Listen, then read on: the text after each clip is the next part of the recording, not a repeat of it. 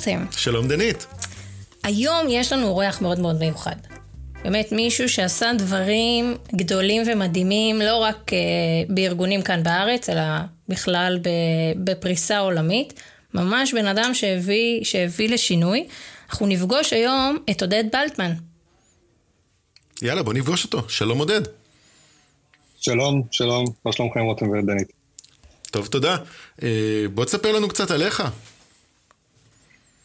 אז אני למעשה בתחומי ה-IT והמחשוב אה, משנת 94, 27 שנים, עם התמחות באמת בעולמות האבטחת מידע. אה, עסקתי בפרויקטים בינלאומיים גדולים של תעשייה אווירית, בתור מוביל טכנולוגי בעולמות ה-IT, לאחר מכן גם בעולמות האבטחת מידע. הייתי ראש מינהל אה, אבטחת מידע וסייבר בתעשייה האווירית הרבה שנים. לאחר מכן ה-CIO ו-CISO בחברה הגלובלית שנקראת Click uh, Software, וזו נרכשה על ידי חברת Salesforce, שם עבדתי גם בתקופה מסוימת, ובתפקידי האחרון הייתי ה CISO של uh, בנק הפועלים. זה נשמע ממש מעניין. איך הגעת לתפקיד של CISO? למה דווקא אבטחת מידע? למעשה הגעתי לתפקיד של אה, CISO מתוך עולמות התשתית והפיתוח, אחרי הרבה מאוד שנים אה, כאחראי על אה, קבוצות IT גדולות, אבטחת מידע הפך להיות חלק מהפורטפוליו של תקשורת, system ואבטחת מידע. אז עוד לא קראו לזה סייבר, וככה זה היה צמיחה די טבעית לעולמות האבטחת המידע, ששם מן הסתם אתה צריך להכיר גם את עולמות הפיתוח, גם את עולמות התשתית, גם את עולמות התקשורת. אבטחת מידע זה סוג של ידע שצריך לכסות הרבה מאוד תחומים דיסציפלינריים אחרים, וככה הגעתי אליו. תספר לנו איך נראה יום בחייו של סיסו. יום בחייו של סיסו הוא יום שבו למעשה הסיסו כל הזמן חושב על uh, הורדת הסיכון בחברה שבה הוא נמצא. זה תפקידו של הסיסו, לעשות את uh, כל מה שהוא יכול כדי להעריך את רמת הסיכון של הביזנס, ולוודא שהתוכנית האסטרטגית שהוא מניח לפני ההנהלה והדירקטוריון uh, מורידים את רמת הסיכון uh, ותורמות להצלחה העסקית של החברה שבה הוא נמצא, ולכן הוא למעשה נמצא בקו התפר המאוד מעניין בין העולמות הטכנולוגיים, שבו הוא צריך להבין טוב את כל עולמות הטכנולוגיה השונים, הן בתשתיות המחשוב, בתקשורת, באזור הממשל התאגידי, ביחידות המבצעיות שמגיבות לאירועים, בעולמות הפיתוח ועולמות אה, ענן ו-IoT, לקחת את כל זה ולתרגם את זה להנהלה בכירה בהיבטים של סיכון. היכן להוריד את הסיכון. וזה מה שעושה כל היום, אה, רוב היום, הסיסו נמצא בקו התפר הזה שבין אה, גופי הטכנולוגיה להנהלה הבכירה, אה, ומעריך ומנהל את הסיכון. ומה האתגרים שיש בפעילות היומיומית של הסיסו? ישנם הרבה מאוד אתגרים בפעילות של הסיסו. קודם כל, באותו תרגום שדיברנו עליו. זה נשמע תרגום, אבל זה לא, לא תמיד פשוט. לא תמיד הנהלה בכירה, אה, דירקטוריונים ובורדים, מצליחים להבין על מה הם מוציאים את הכסף, מה בדיוק תוכנית העבודה, ואיך כל זה מוריד את הסיכון העסקי לחברה. האתגר הגדול הזה, בלתרגם משהו שהוא כמעט אמורפי, כמו סייבר, וחולש על המון המון נושאים שונים, בצורה אה, יעילה, להנהלה הבכירה. ובמקביל לזה, כמובן, לנהל את כל הפעילויות הטכנולוגיות שדיברנו עליהן קודם, ועל זה אנחנו נדון היום בהמשך, זה חלק מהקשיים והנושאים שחווה כל אה, CISO, אה, מתאר לעצמי בארץ ובעולם. אתה יכול להסביר לי למשל איך מסבירים לדירקטוריון משמעות הסייבר? למעשה אתה מסביר לדירקטוריון לא בהכרח את משמעות הסייבר, כמו את הסיכוני סייבר שעליו אה, להוריד כדי לתמוך בפעילות העסקית אה, של החברה. לרוב הדבר נעשה על ידי הגדרה מדויקת של כמה נושאים. אחד, מהו תיאבון הסיכון שהחברה לוקחת, ומהם התרחישים למימוש אה, אותם אה, סיכונים. יש את הנושא של אה, האסטרטגיית סייבר והמדיניות סייבר, שאגב, לדידי, הדירקטוריון וההנהלה הם אלו שאחראים בסופו של יום על ה security posture של החברה. זה לא נחלתו הבלעדית של ה CISO. אז בסופו של יום, אחרי שיש אסטרטגיה מסודרת ומדיניות מסודרת לאבטחת מידע, וישנם הגדרה מסודרת של uh, תרחישי הסיכון וסיכוני הסייבר, ולמעשה מה שנשאר זה לשלב את תוכנית העבודה ולהראות כיצד התוכנית העבודה, שחולשת על כל הנושאים השונים uh, הטכניים, איך היא מצליחה להוריד בצורה הכי אפקטיבית את הסיכונים שדיברנו כדי לתמוך באותה אסטרטגיה. מה הבשלות הנדרשת בשביל אה, מישהו או מישהי שרוצים לעבוד בתור אה, מנהל אבטחת מידע של בנק? אני פחות אתמקד בנושא הבנקים, אנחנו ניקח את זה קצת בפריזמה רחבה יותר, ברשותך. אין שום בעיה. אוקיי? בדוגמה בתעשייה אווירית, כשהקמנו את מנהל הגנת הסייבר, שהקמנו אותו למעשה מ scratch, ושם למעשה הקמנו גם את המתודת עבודה של איך uh, עובד, uh, עובדת יחידה מבצעית עם incident response ופלייבוקים, ואיך מגיבים, ואיך עושים פורנזיקה. לקח המון המון זמן בשלות כדי שנגיע לאיזושהי רמת הבנה והפנמה, ובאמת שהמתודה תתאים ל-use cases שאנחנו עובדים איתם. זה לא דבר שמישהו שסיים אתמול קורס יכול לבוא ולהתחיל לנהל אירועים בסקייל גבוה, בטח לא בסקיילים לאומיים. אני חושב שכן נדרשת איזושהי תקופה שבה אותם סיסויים שכרגע למדו אה, קורסים טכנולוגיים וסיימו אולי את הקורס אה, סיסו, אה, יוכלו להוביל גם אירועי סייבר משמעותיים, גם לשבת ולהבין כיצד מתרגמים את עולמות אבטחת המידע לעולמות ההנהלה הבכירה, אה, זה נושאים שבסוף אה, צריך אה, גם ניסיון לא מעט והשתפשפות, אין, אין מה לעשות. מול איזה גורמים הסיסו צריך לעבוד? סיסו הוא, הוא תפקיד מאוד מעניין. הוא תפקיד שעובד מטריציונית עם כל הגופים בחברה. הוא למעשה מנהל כמובן את אנשי אבטחת המידע. הוא מנחה גופים שהם מקבילים אליו, כמו אה, אנשי פיתוח, עובד מול הליגל, אה, כל הנושא של המשפטי, עובד כמובן מול אה, גופי התשתיות, זאת אומרת עם הפירס שלו, עם החבר'ה שהם מקבילים אליו, הוא עובד כמובן גם עם ההנהלה הבכירה, עם ההנהלה או דירקטוריון, תלוי בגודל החברה, ומכאן גם המורכבות. הוא צריך לדעת להיות leadership by design, מה שנקרא. גם להוביל תחומים טכנולוגיים וידע טכנולוגי, גם להשפיע על גופים שהם מקבילים לו, בלי שהוא ינהל אותם, ולדעת לתרגם את כל הדבר הזה לתיאבון הסיכון uh, עבור אותה הנהלה בכירה, כמו שדיברנו מקודם. מכאן uh, חלק גדול מהאתגר והיופי בתפקיד הזה של, של הסיסו. אילו סוגי סיסו לדעתך קיימים? קודם כל בארץ יש, ישנם סיסואים אה, מצוינים, לדעתי. אה, מההיכרות שלי, ישנה קהילה ורמה מאוד מאוד טובה של סיסואים. אה, אנשים שהם אה, חוקרים וחדשנות. אני חושב שבקטע הזה זה גאווה לכולנו. אני אנסה אולי למקד את השאלה. אם אנחנו רוצים להסתכל על אה, סיסו, ואנחנו רוצים להסתכל רגע על כל הס... על שלושת סקיורטי, הסקיורטי הדומיין, שזה People, Process ו-Technology מה שנקרא. איפה לדעתך סיסו אמור לחיות יותר בעניין של People, Process או Technology? טוב, מן הסתם הוא צריך להכיר את כולם, אבל בסופו של יום אבטחת מידע זה בתהליכים. אה, אבטחת מידע, העיקרון שלה או החלק הארי שלה, מעבר לנושא ש, שכמובן הנושא של האנשים הוא הדבר הכי חשוב בכל חברה, כי בלי זה שום דבר לא יתפוס, נכון? אז זה אני רגע שם בצד. נדרש מסיסו כמובן את כל עולם הלידרשיפ, וזה בצד הניהולי שלו. אבל אם אנחנו רגע מתמקדים מעבר לצד הניהולי כמנהל, מה בהיבטי אבטחת מידע? בסופו של יום, אבטחת מידע מיושמת בתהליכים. בתהליכים האלה יש גם מדיניות, יש טכנולוגיה, כמובן שיש אנשים שמבצעים אותם, וזה לדעתי מעבר לנושא הזה של לידרשיפ, uh, בחלק הטכני של אבטחת מידע, uh, אז הנושא הזה של תהליכים.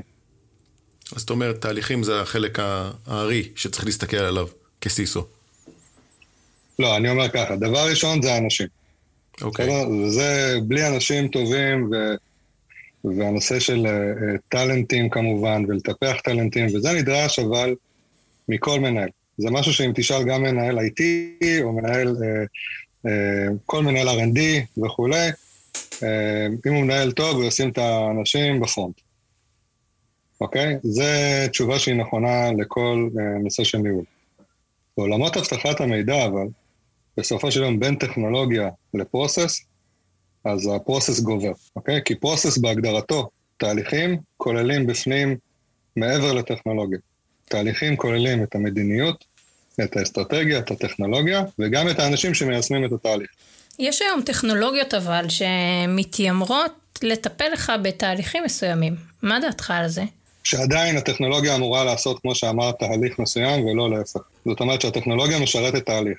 לפעמים יש תהליך שטכנולוגיה אחת יכולה למלא אותו, ולפעמים יש תהליכים שכדי ליישם את התהליך צריך הרבה מעבר לטכנולוגיה אחת, שילוב של טכנולוגיות, אה, שילוב של אה, אנשים וסקילסט, והכל כרוך אה, כמובן בחלק ממדיניות רחבה יותר. אני דווקא חושב שטכנולוגיה יכולה להיות אחלה כלי בשביל לעשות ולידציה לכל מיני תהליכים ארגוניים. כמו למשל, אם עובד עוזב את החברה, אז יכול להיות למשל מערכת שמוודא שהוא באמת עבר את כל המקומות שהוא צריך לעבור, מחקו לו את ה user, שינו את כל ההגדרות, אה, ביטלו את כל המקומות. אבל היא תתאים רק אם תתאים את הטכנולוגיה לתהליך שלך, וזה יכול להיות תהליך מאוד מאוד סיזיפי. מה זאת אומרת? ההתאמה הזאת של טכנולוגיה, הרי כשמישהו מוכר טכנולוגיה, הוא מוכר טכנולוגיה גנרית פחות או יותר, ואז אתה צריך להתאים אותה לארגון. עצם ההתאמה של הטכנולוגיה לארגון כדי שתתאים לתהליכים, זה בעצמו תהליך. אני חושב שזה תלוי טכנולוגיה, יש טכנולוגיות שיותר קל לבוא ולחבר אותן לארגון שלנו כפלטפורמה, ויש כאלה שהן טכנולוגיות מאוד מורכבות, יותר ג'נריות, יותר, יותר כבדות, שה, שהיכולת שלהן בעצם לחבר אותן לארגון זה יותר בקטע של פיתוח. וברגע שמכניסים את נכון, הפקטור אבל... של פיתוח, זה לאו דווקא קל להכניס אותם אה, ולהטמיע אותם בארגון. אבל בהגדרה הטכנולוגיה, כמו שאמרת, ואם ניקח את הדוגמה שאמרת של תהליך off אה, boarding, אוקיי? שתהליך של עזיבה של אה, עובד, אז התהליך הזה משלב כמה וכמה פעילויות, נכון? אז קודם כל צריכה להיות מדיניות לארגון, מה, מה קורה כשעובד עוזב את הארגון. וזה לפעמים מאוד סובייקטיבי ל... לכל ארגון. אז יש מדיניות בתהליך הזה שנקרא offboarding, יש תהליך שלם שצריך לעשות. חלק מהתהליך אפשר לעשות אוטומציה, נכון? על ידי טכנולוגיה כזו או אחר, וחלק אולי לא, כמו החזרת uh, תגים ודברים אחרים, שזה גם חלק מהתהליך. לכן, מה שאני מנסה להגיד, בסוף יש תהליך. איך שאנחנו לא הופכים את זה, ישנו תהליך שנקרא offboarding, אנחנו ננסה לעשות, למקן אותו הכי טוב שאפשר, אוקיי? אבל עדיין יש מדיניות של איך עובד עוזב, יש תהליך, ויש טכנולוגיה שמשלבת אותו. וזה התפקיד של ה CISO לקבוע את התהליך הזה, או שיש גורם אחר בארגון שהתפקיד שלו לקבוע את תהליך ה off-board? דווקא בדוגמה של ה off-board זה פחות uh, מקום שה CISO uh, צריך לתת את דעתו, אבל הוא לא ה owner של התהליך הזה, לרוב, בדרך כלל בארגונים, אז uh, משאבי אנוש ב-HR הם ה owner של תהליך onboarding ו offboarding, מן הסתם אבטחת מידע כשותף ו enabler לכל תהליך שהוא, גם ב-HR, ודיברנו על הממשקים מקודם, או גם בעולמות הפיתוח וכך הלאה, הוא שותף לתהליך הזה וצריך לתת את דעתו על המיילסטונים בתהליך.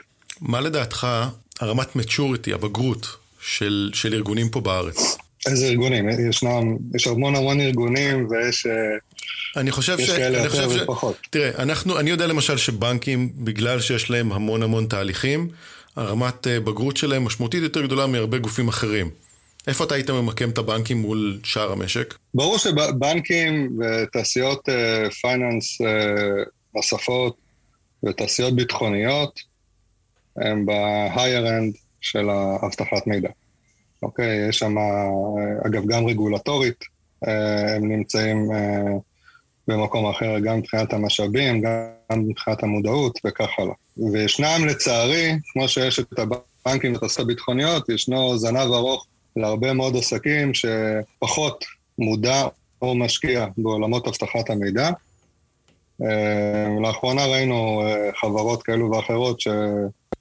לא, אני חושב שחלק גדול מהסיסטמים לא התפלא שהם חוו את האירועים שהם חוו. האם אתה יכול לספר לנו על איזשהו אירוע שעברת בעברך, שיכול להסביר לנו יותר טוב את uh, תפקיד הסיסו? אז ישנם כמה וכמה אירועים, נקרא לזה ברמה הלאומית, uh, שניהלתי בעבר. בדרך כלל האירועים האלו הם אירועים uh, מורכבים יותר וכולי. התפקיד של הסיסו דווקא באירועים גדולים כאלו, ופה אפרופו אה, שיחתנו על נושא הסיסואים אה, והרקע הטכני שלהם, אני חושב שדווקא בזמן אה, אירוע מורכב וגדול, תפקיד הסיסו הוא לא בהכרח להיות האיש של המקלדת. זה לא, תפקידו הוא לא עכשיו להיכנס עם גלימת הסופרמן לשים או לסוק, להזיז את המומחים הקיימים ולרדת למקלדת, ו... לא, ממש לא. דווקא באירועים יותר מורכבים, שמנהלים את האירועים האלו אה, לפי מתודה סדורה של תאי שליטה, ויש תאים טכנולוגיים, שהתפקיד שלהם זה לנהל את האירוע הטכנולוגי, ויש תאים עסקיים, שהתפקיד שלהם להבין את האימפקט על הביזנס של אותו אירוע, ויש תאים ניהוליים, שהתפקיד שלהם זה אה, לדברר ולתקשר את האירוע הזה להנהלה, לדוברות, לליגל וכולי. תפקיד הסיסו הוא לנהל את כל התאי שליטה השונים האלו, בעיקר בהיבט העסקי שלנו. זאת אומרת, נכון שהוא אחראי גם על התא שליטה הטכנולוגי, אבל ישנם תאי שליטה נוספים, ושם הוא צריך להיות. הוא צריך להיות הגוף המגשר בין ההנהלה, הדוברות, המשפטי, אה, כמובן הלקוחות, אה, במידה והמנכ"ל יחליט שזה חלק מתפקידו, וגם לתכלל את כלל האירוע בהיבטים הטכנולוגיים, אבל לא לנהל אותם hands on. זה חלק מהמסקנות בשנים האחרונות ש... שהגענו בניהול אירועים מאוד מאוד משמעותיים, ואני אעצור uh, פה מפאת הדיסקטים. ברמת העיקרון, הקו המנחה uh, לסיסואים צעירים, תפקיד שלהם הוא לנהל, וזה נושא שהוא לא תמיד uh, ברור לחלק גדול מהסיסואים בתחילת דרכם. בטח שהם באו מ- מהטכנולוגיה. והם מרגישים הרבה יותר נוח עם הידיים על המקלדת הרבה פעמים. טוב, אני חושב שאפשר אה, לעבור לחלק מתקדם שלנו, שהוא בעצם השאלה הזהה. אנחנו נשאל אותך כמה שאלות, תענה מאוד בקצרה, מה אתה אומר על זה? מה לדעתך האתגר הכי משמעותי במקצוע? לתרגם בצורה יעילה בין עולמות אבטחת המידע וסיכון ל risk. אם היית יכול להמליץ לאחרים שרוצים להפוך ל CISO, מה הדבר הכי משמעותי שהיית צריך להגיד להם? לדעת לנהל אפקטיבית סיכוני הסייבר ולהבין את ה business במקום שבו הוא נמצא. ל CISO שאין כסף, מה הדבר הכי חשוב להוציא עליו כסף? את הדבר שיוריד את הסיכון בצורה הכי יעילה לחברה והביזנס שלה. איך נצליח להביא עוד נשים לתחום? על ידי עידוד המנהלים ולהראות להם את הערך המדהים שנשים וקבוצות הטרוגניות מביאות לסקיוריטי. סקר סיכונים או פיטי? אם סיסו מכיר את משטר חשיפה שלו, אז uh, בפיטי. סיסו טוב, הוא סיסו שהוא יותר מנהל או יותר טכני? מנהל. איזה הסמכה הכי חשובה ל CISO? CISM, CISSP. מה נקודת החולשה הכי גדולה במשק הישראלי? מודעות ההנהלה הבכירה. לנושא הסיכוני סייבר. אז אה, אם אנחנו מדברים על אה, סייבר ועל אה, אנשים ועל טכנולוגיות, מה דעתך על נשים? איך אפשר להביא עוד נשים לתחום הסייבר? כמו דנית למשל? תראו, היום בערך 20% מכוח העבודה הוא אה, נשים במשק. ובאמת אני רוצה אה, לעודד מנהלים ומנהלים בכירים לשנות את המגמה הזאת ולנסות לגייס או לקדם מבפנים. אוקיי? אה, נשים בתעשייה. זה חייב להיות במודעות של ההנהלה הבכירה בסוף. כל הנושא של אה, תירוצים כמו עבודה מלחיצה או שעות לא נוחות אינן רלוונטיות. ואנחנו צריכים לתקשר לתעשייה אה, שנשים בהייטק בכלל, סייבר בפרט, יש להם שוויון הזדמנויות כמו כולן כבר מהשלבים הראשונים. ואני חושב שהיתרונות בצוותים מעורבים, ברבגוניות, בפלורליזם של דעות, גישות, הסברה, תקשור, ניהול, וכולי, שנשים מביאות איתם בכלל, זה priceless. אני מאוד מאוד רוצה לעודד את המנהלים אה, האחרים במשק וקולגות, לתת הזדמנות שווה אה, לכל האוכלוסיות, נשים בפרט, זה ערך שמנהלים גם צריכים להימדד עליו, כי אתה יודע, בסוף זו תרומה של כולנו לאותה מגמה. תרשה לי רגע להקשות כאן, כי מן הסתם יש לי עניין בתחום הזה. על סיסואים אנחנו מדברים לאורך העונה עם כל מיני סיסואים ו... וגם אתה אמרת את זה, מי שהגיע לתפקיד של סיסו שעבר לאבטחת מידע אלה כאלה שהיו בתחומי התשתיות, ב-IT, בכל מיני תפקידים טכניים כאלה. אה, בסוף גם שם אה, אחוז הנשים הוא יחסית נמוך. ואם זאת הבריכה שממנה הארגונים יבחרו סיסואים, אז אנחנו מלכתחילה מסתכלים על בריכה שהיא מאוד צרה מבחינה מגדרית. אז מאיפה... ולכן התשובה שלי הייתה מעבר ל... אני לא מתייחס רגע לאבטחת מידע. בתשובה שלי אני התייחסתי לנושא IT הרחב, והייטק בכלל אגב. אז נגיד בעולמות הפיתוח ישנה מגמה מאוד מאוד יפה של שילוב אוכלוסיות שונות. אה, אוכלוסיות דתיות ומהמגזר הערבי, ותראי איזה יופי הנושא הזה צומח ופורח בעולמות הפיתוח. אין שום סיבה שזה לא יקרה בעולמות ה-IT, וכנגזרת מזה גם בעולמות הסקיורטי. ואיך אפשר להגדיל את הבריכה הזו שממנה יבחרו? אני חושבת שהמפתח, שה, כדי שיהיו עוד נשים בתחום הסייבר, אה, היא פשוט להגדיל את הבריכה שבוחרים ממנה. אז מאיזה תחומים... אני חושב שזה בסוף עניין של של מודעות ו, ותקשור ומציאת פתרונות uh, טובים, כמו שנמצאו בעולמות הפיתוח לאוכלוסיות שונות, שדיברנו עליהם מקודם, אין שום סיבה שזה לא יקרה בעולמות ה-IT.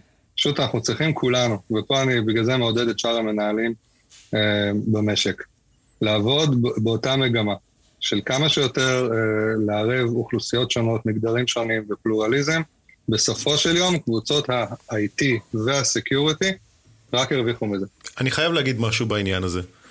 יש פה איזה בסיס שמתעלמים ממנו, שחייבים לתת עליו את הדעת. הרבה מהאנשים שאני מכיר, שמתעסקות בעולם הסייבר, הן טכניות, כמו דנית. הן מאוד חדות, באמת מיוחדות ביכולות שלהן. הרבה מהאנשים שאני מכיר, שאני אומר להם בואו תעברו בסייבר, הן לא רוצות. מבחינתם זה עבודה מאוד סיזיפית, מאוד קשה, שרובם לא רוצות להגיע לזה. אני חושב שבאיזשהו מקום יש פה גם איזושהי בעיה, לא בהיצע, אלא בדרישה עצמה מהשטח. לא הרבה נשים רוצות להגיע לתפקידים האלה. ואני חושב שזו המקום שאנחנו צריכים לבוא ולתקן. זה המקום שצריך לבוא ולהגיד לנשים האלה, אתן כן יכולות. ת, תסתכלו מעל התקרת זכוכית הזאת, תסתכלו מעל הדלת הזאת, תפתחו אותה, אתם יכולות, אתם מסוגלות. העולם הזה לא כזה גדול, משמעותי, מסובך, או כל מילה אחרת שנרצה להכניס לשם. יש פה איזה משהו שאני חושב שהוא קשה, אני מסתכל בעולם שלי, אני מסתכל על הבת שלי, ואני לא רואה אותה הולכת לכיוון של אבטחת מידע, עוד פעם, בגלל שהתחום הזה הוא פחות אפילינג למה שהיא מחפשת בחיים.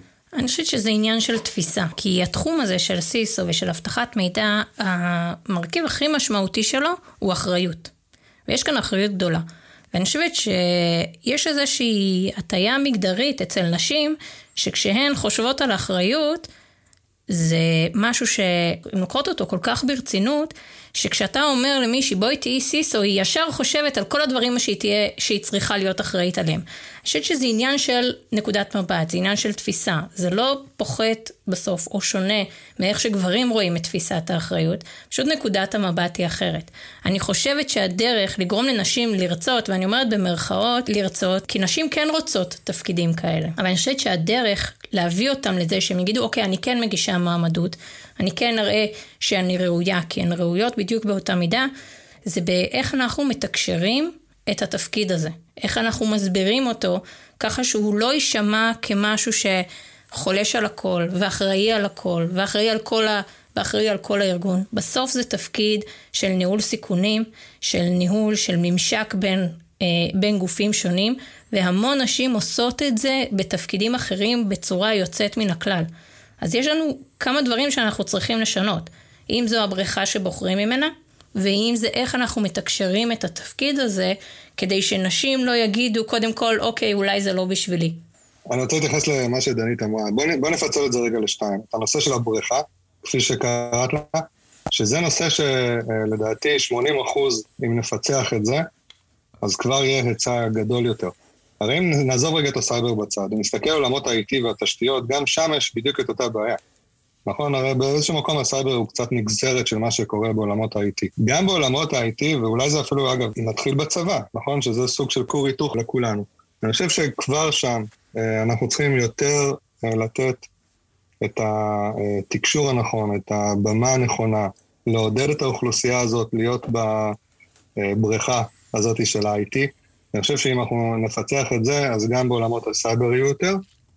דווקא, אגב, בעולם של ניהול הסיכונים, אם אנחנו לוקחים אותו בנפרד לעולמות ה-IT, נגיד בנושא של ניהול סיכונים שהוא לא רק כסיסו, משהו כמו נגיד מעגל שני, יש שם לא מעט נשים, שם אחוזי הנשים הם גדולים. אני חושב שאם אנחנו נשקיע בעולמות התשתית, אנחנו נמצא יותר נשות סייבר, וזה מתחיל במודעות. כמו כל דבר אחר. מודעות והשקעה של מנהלים ועידוד שלהם ותקשור שלהם. זה רק דבר אחד מאוד משמעותי בלהכניס אישה בתור סיסו, שמתחיל אירוע ויש אישה שמנהלת אותו, יש כבר יותר רוגע בהתנהלות של האירוע. יש משהו שבנו הגברים לא ילך ונתפוצץ אחד על השני ונעשה ונאבד את העשתונות שלנו, יש איזשהו טכוגרף שפשוט ירגיע אותנו וישים אותנו באיזשהו מקום של בואו נעבוד טיפה יותר מקצועי. ואז תגידו שהיא ההיסטרית? בוא, בוא, בוא נגיד ככה, שנייה. תקשיב רותם, אם יש סיסו שמתפוצץ בזמן אירוע, הוא לא בנוי לנהל אירוע תחת לחץ. זה נכון. זה, אני לא חושב שזה CISO דווקא ברגעים שיש אירוע משמעותי. מה שנדרש מ CISO זה קור רוח ויכולת אנליטית עסקית מאוד מאוד גבוהה.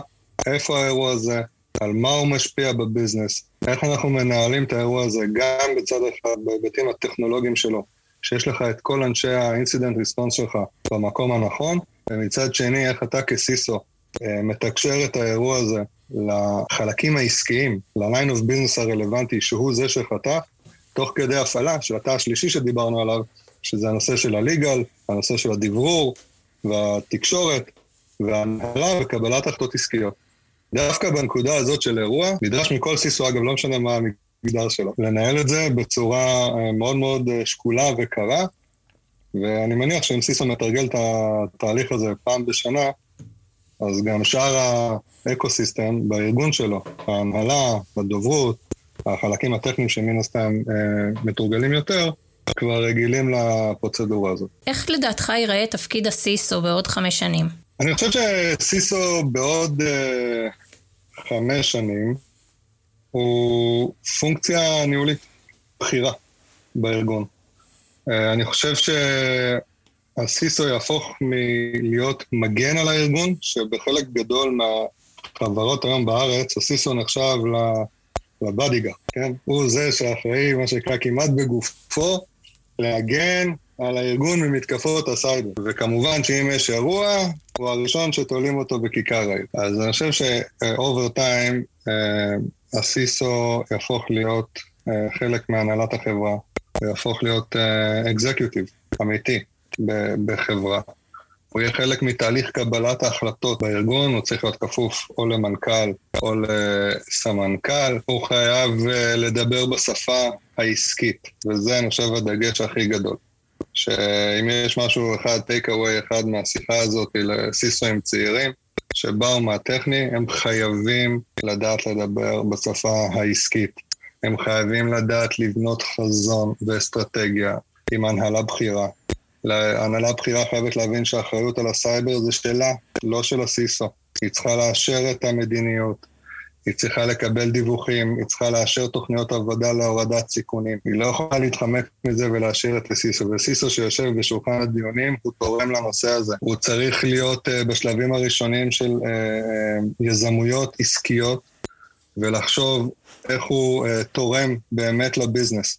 איך הוא מקצר time to market, איך הוא uh, מייצר סטנדרטיזציה של בקרות, איך הוא מייצר סטנדרטיזציה של תהליכים שדיברנו עליהם קודם. איך הוא מוריד את הסיכונים השיעוריים ומבצע התאמה של מדיניות, למה KPI, KRI, כל ה-Key Risk Indicators, נושא של תקציבים, על מה שמים את השקל הראשון, כי סייבר זה בור בלי תחתית, נכון? כולנו מכירים את כל הנושאים האלו, הסיסו חייב לדבר בשפה אה, עסקית ולהיות באמת executive בארגון שלו. הוא חייב לדעת לעבוד בשותפות עם יחידות אחרות כמו IT ופיתוח ולייצר את ה trust הזה עם המקבילים אליו. אגב, בחברות ענן וחברות product, ה CISO חייב לסייע בחדשנות. הוא לא רק זה שמגן כל הזמן, הוא גם זה שתורם לחדשנות ול innovation של החברה. הוא מוביל את הטרנספורמציה הדיגיטלית לא רק ב-Security by Design, הם אומרים Security and Privacy by Design, נכון? החל משלבים ראשונים של uh, עולמות הפיתוח, הוא חייב להתייחס לדאטה שלו כאסט, זאת אומרת, רוב התובנות הן בדאטה, אני לא בטוח שזה לא רק דיכוטומי 1 או 0, firewall עצר לא עצר, יש עולם שלם של AI ודאטה שסיסו חייב להבין ולהוביל שמה. הוא חייב להבין שהוא חלק מהאקוסיסטם של סטארט-אפים וגופים לאומיים, ובסוף, בחברות product, גם CISO עומד מול לקוחות, כי הוא זה שמהווה את ה trust, בעיקר באזורי ה-public cloud, שהיום זה מה שגורם ללקוחות לבוא או לא לבוא אליך כחברה, הרבה מאוד זה נושא ה trust עם ה security. וגם פה ל CISO בעתיד יש חשיבות מאוד מאוד גדולה. הוא מייצג את ה trust מול הלקוחות. כן. אוקיי? אז כן, הוא צריך להיות שם גם בצד של השיווק והשותפים העסקיים ביצירת אותו trust. זה, זה ממש נקודות מפתח. וכל זה בנוסף, שאם יש משבר, עליו להיות קרקע, כקרח, וננהל אותו. לגמרי, לגמרי זה משמעותי אה, וחשוב. אנחנו צריכים לחזור חזרה להתחלה, לאתגרים, כי כן. הם לא נגמרים. כן. וואי, עודד, אה, תודה רבה, נעמת לנו מאוד. תודה רבה שהשתתפת בתוכניתנו. תודה רבה לכם. היה מאוד מעניין, תודה. בשמחה, תודה רבה שאירחתם אותי. להתראות, יום טוב. השיחה עם עודד הייתה מאוד מעניינת, ודיברנו על דברים אה, מאוד אה, מעניינים בתחום שלנו. תשמע, יש לו נקודת מבט מאוד מאוד ייחודית אה, ואחרת. הוא מסתכל על הכל מלמעלה, אבל גם רואה את כל הפרטים. תראי, הוא עבר כמה וכמה דברים וכמה מקומות בחיים שלו, בכמה מוסדות מאוד משמעותיים מבחינת אבטחת מידע, וזה נותן לו יכולת להסתכל על דברים בצורה מאוד רחבה. ורואים את זה. כמובן. אחד הסיבות שסיסואים כל הזמן אה, נזהרים מלספר דברים או להגיד דברים, אנחנו צריכים, צריכים להגיד על זה איזה משהו. בעצם, מה שקורה, כל חברה שנמצאת היום, שיש לה סיסו או שאין לה סיסו, פורצים אליה, גונבים לה, עושים לה רנסמוור במחשבים, כל חברה, בוא נגיד את זה ככה, זה כל חברה. נכון, אירועים יש כל הזמן, ומאה אחוז מהאנשים ומהחברות נתקפים כל הזמן, ולפעמים משהו גם פוגע, אבל זה קורה לכולם. אני רוצה להגיד שבסקרים אה, עמוקים שמנסים לעשות, הצליחו להגיע ל-86-89 אחוז מחברות שהודו. אפילו בצורה אנונימית, שבאמת קרה להם משהו. זה לא אומר שלא קרה להם, זה אומר שהם לא יודעים שקרה להם, אבל לכל החברות קורים כל מיני אירועים. תפקיד הסיסו הוא בעצם לשמור על המיתוג של החברה. ושהמיתוג הזה לא ייהרס ביחס לסיפורים. רוב הסיפורים של התקפות אנחנו לא שומעים, אין חברה בארץ שלא פרצו אליה, אין חברה בארץ שלא קרה לה משהו. העניין הוא שאיך אנחנו בתור צרכנים, בתור אנשים, בתור אזרחים במדינה שלנו, איך אנחנו רואים את אותה חברה. וכשאם אנחנו רואים את אותה חברה בתור אחת שלא שמענו עליה בעיתון שפרצו אליה, או שלא שמענו בעיתון שגנבו לה עכשיו נתונים, או שיש לה איזשהו דאטה ליק מטורף גדול שעשו לה מלא מלא דברים, אז בעצם אנחנו לא רואים את הדברים האלה שקורים. עודד דיבר על משהו מאוד מאוד חשוב. הוא אמר שהמשק רואה את ה CISO כ bodyguard, כשומר שעומד מחוץ לארגון ומחזיק את אירועי הסייבר שלא ייכנסו לתוך הארגון. אבל הוא צודק כי זה לא תפקידו של ה CISO. תפקידו של ה CISO הוא לקבל את זה שיש כל הזמן אירועים, ולעזור לארגונים להתמודד איתם טוב יותר, מהר יותר, ועם כמה שפחות נזק לארגון. והסיסו הטוב עושה את זה, אנחנו שמענו כל הזמן את צמד המילים ניהול סיכונים. וגם דיברנו עם עודד על בשלות ועל בגרות של ארגון. ככל שארגון יבין טוב יותר את תפקידו של הסיסו ויתרגל יותר לשלב את הסיסו בהחלטות הארגוניות ובתהליכים, הוא יהיה בשל יותר להבין שהסיסו שם כדי לעזור, אבל לא כדי לעצור את האירוע. כי אני... לא את כל האירועים אפשר לעצור, לא כל הזמן. אני, אני אגיד משהו בנושא הבגרות, מה שנקרא בעולמות שלנו maturity. יש uh, scale שקוראים לו maturity model, שבעצם לוקח את רמת ה process של, של הארגון מתייג אותה על בסיס scale אה, מסוים, ובעצם נותן ניקוד כמה הארגון עצמו הוא בוגר, מצ'ור, ברמת האבטחת מידע שלו ובניהול האבטחת מידע בעיקר. זה אומר עד כמה אנחנו מנהלים את התהליכים שלנו בארגון בצורה יעילה, ואיפה הם נמצאים ביחס לשאר הארגונים במשק, שנמצאים באותו סקטור שלנו. וככה בעצם אנחנו יכולים להבין מה הדברים שאנחנו צריכים לשפר, איפה אנחנו צריכים לשפר, וכמה כסף אנחנו צריכים להשקיע בשביל להגיע לאותן נקודות. אחד הדברים שאנחנו נקבל בסקר סיכונים, זה איפה אנחנו נמצאים. די, שומעים אותך צוחקת. איך שומעים?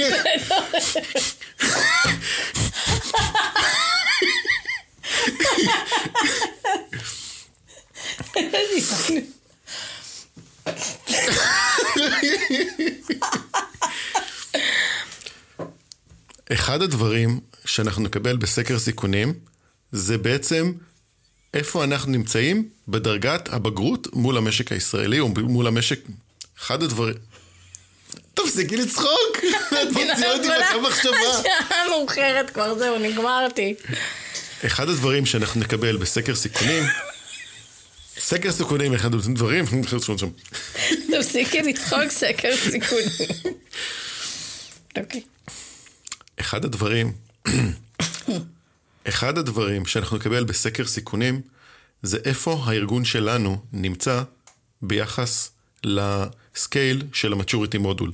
ככה נוכל להבין כמה אנחנו צריכים לשלם כסף מבחינת תקציבים, כמה אנחנו צריכים לשנות בארגון מבחינת הוראות שעה, תהליכים שונים שאנחנו צריכים לעשות בארגון, ואחד הדברים הכי יפים ש-maturity מודול בודק, זה כמה אנחנו בעצם גם מנהלים את התהליכים עצמם, וכמה אנחנו רוצים בעצם לעשות optimize ולשפר אותם כעבור זמן.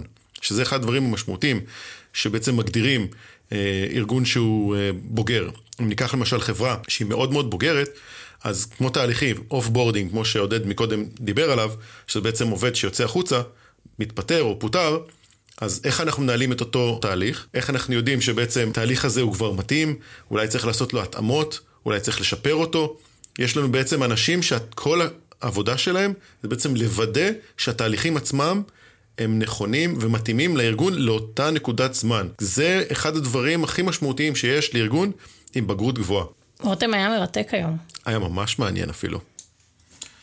תודה רבה, דנית. תודה רבה, רותם. ניפגש בשבוע הבא. לעוד תוכנית של מדברים סייבר. הצצה על מאחורי הקלעים של עולם הסייבר. ביי. ביי.